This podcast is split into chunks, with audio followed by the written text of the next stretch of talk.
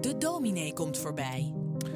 En dan staan we even stil. Elke zondagmorgen rond kwart voor negen. Een moment van bezinnen met een dominee die voorbij komt. Of een geestelijk verzorger.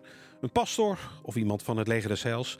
En vanmorgen is weer bij ons te gast. Goedemorgen, dominee Henk Overdijken uit Ommeren. U bent als dominee een uh, nou ja, verkondiger, hè? Uh, prediker, spreker.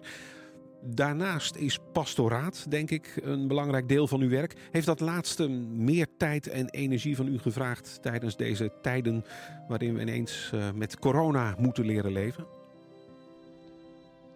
Ja, het pastoraat moest meer georganiseerd worden. Mm -hmm. Het was minder onbevangen in de zin dat alles op afspraak moest en het vaak ook bij één pastoraal contact per dag bleef om niet van de een naar de ander te fladderen. Mm -hmm.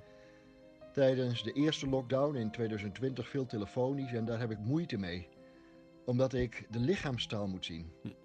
Dat geldt ook met mondkapjes, dat praat niet makkelijk een mondkapje op. Je ziet het gezicht van mensen, dat kost mij heel veel moeite. Hm. In de eerste fase van de pandemie waren mensen over het algemeen hoopvol en veerkrachtig. Nu het allemaal zo lang duurt, zie je toch wel veel nare situaties. Mensen die zich erg afzonderen om besmetting te voorkomen, hun kinderen en kleinkinderen nauwelijks zien. En dan wordt je wereld wel heel erg klein en komen sombere gedachten makkelijk boven. En de onzekerheid, het gejojo met maatregelen, het niet weten wanneer dingen weer normaal zijn, dat doet veel met mensen, merk ik. Ja. Enkele ouderen vergeleken deze periode met de oorlog. Niet dat deze pandemie net zo erg is als die oorlog, maar dat ook toen steeds weer hoop en vrees de kop opstaken over wanneer het einde er zou zijn. En mensen hadden daar eigenlijk nooit zekerheid over. Ja, herkenbaar, ja. U, u probeert als uh, dominee mensen uh, nou ja, hoop hè, te geven. Bent u zelf altijd uh, even hoopvol, ook in, in deze? Ja, ik ben er rotsvast van overtuigd dat deze crisis voorbij gaat. Ja. Ook de Spaanse griep is uiteindelijk verdwenen, althans nauwelijks ziekmakend geworden. Het lijkt erop dat dat met corona ook gebeurt als je ziet hoe het momenteel met de Omicron-variant gaat. Dus in die zin ben ik best wel hoopvol.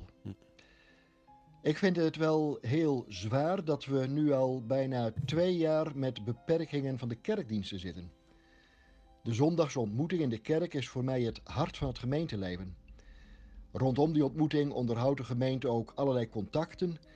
En voor mij persoonlijk is de kerkdienst eigenlijk ook de oplader van mijn eigen geloof. Dus ja, ik hoop wel dat we de komende periode flinke stappen naar hoe het voor corona was kunnen zetten. Ja. Dat hopen we met u natuurlijk. Ja.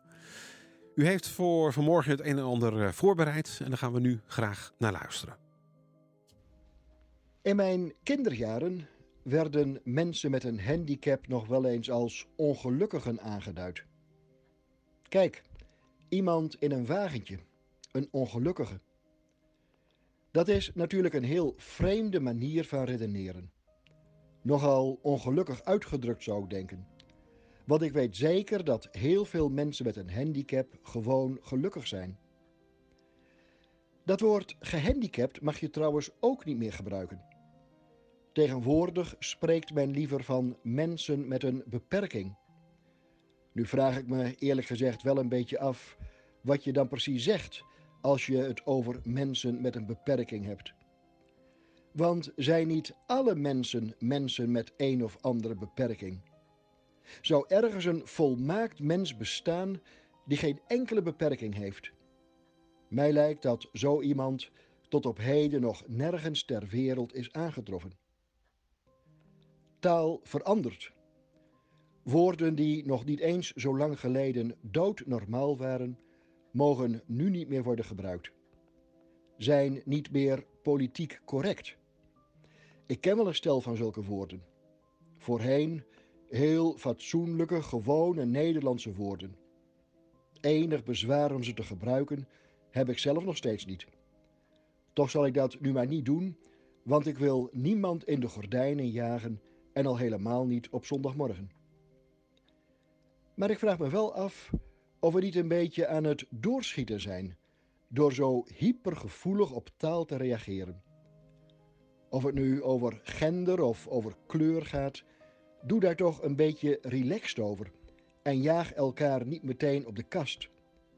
Me dunkt dat er toch wel grotere gevaren zijn die onze samenleving bedreigen dan oneindigheid over de betekenis en de gevoelswaarde van bepaalde woorden.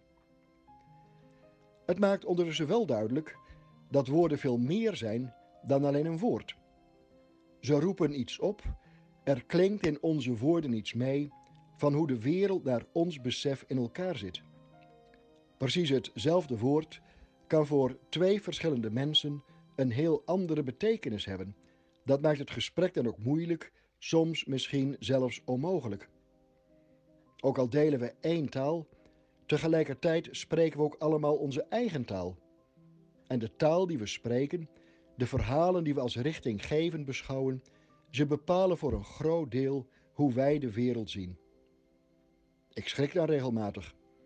Als je ziet wat mensen via sociale media over zich uitgestort krijgen, houd ik mijn hart vast. Sociale media? Asociale media zul je bedoelen. Nu zijn het nog woorden, maar wat voor wereld hebben de afzenders van die woorden eigenlijk voor ogen? En het lijkt wel of alle ellende van de afgelopen twee jaar het allemaal versterkt heeft.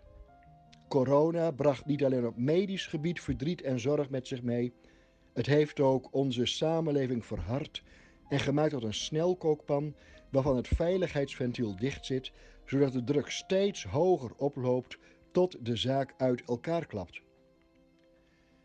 Woorden doen ertoe.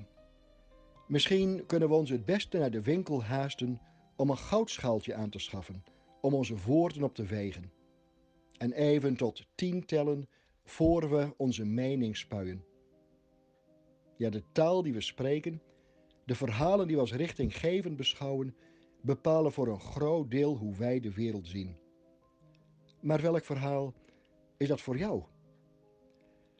Het woord is vlees geworden, zegt het Johannesevangelie.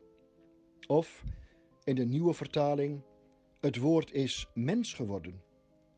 Willen we ons laten inspireren door het woord? Het evangelie van Jezus Christus tot het verhaal maken dat ons leven richting geeft. Want leven met het evangelie is niet alleen maar iets met profijt voor later. De woorden, de verhalen van het evangelie wijzen ook een weg in ons leven nu. Wie ervoor open staat, kan met een andere blik naar heel de wereld kijken. Mensen die dat doen, hebben we heel hard nodig. Misschien juist vandaag.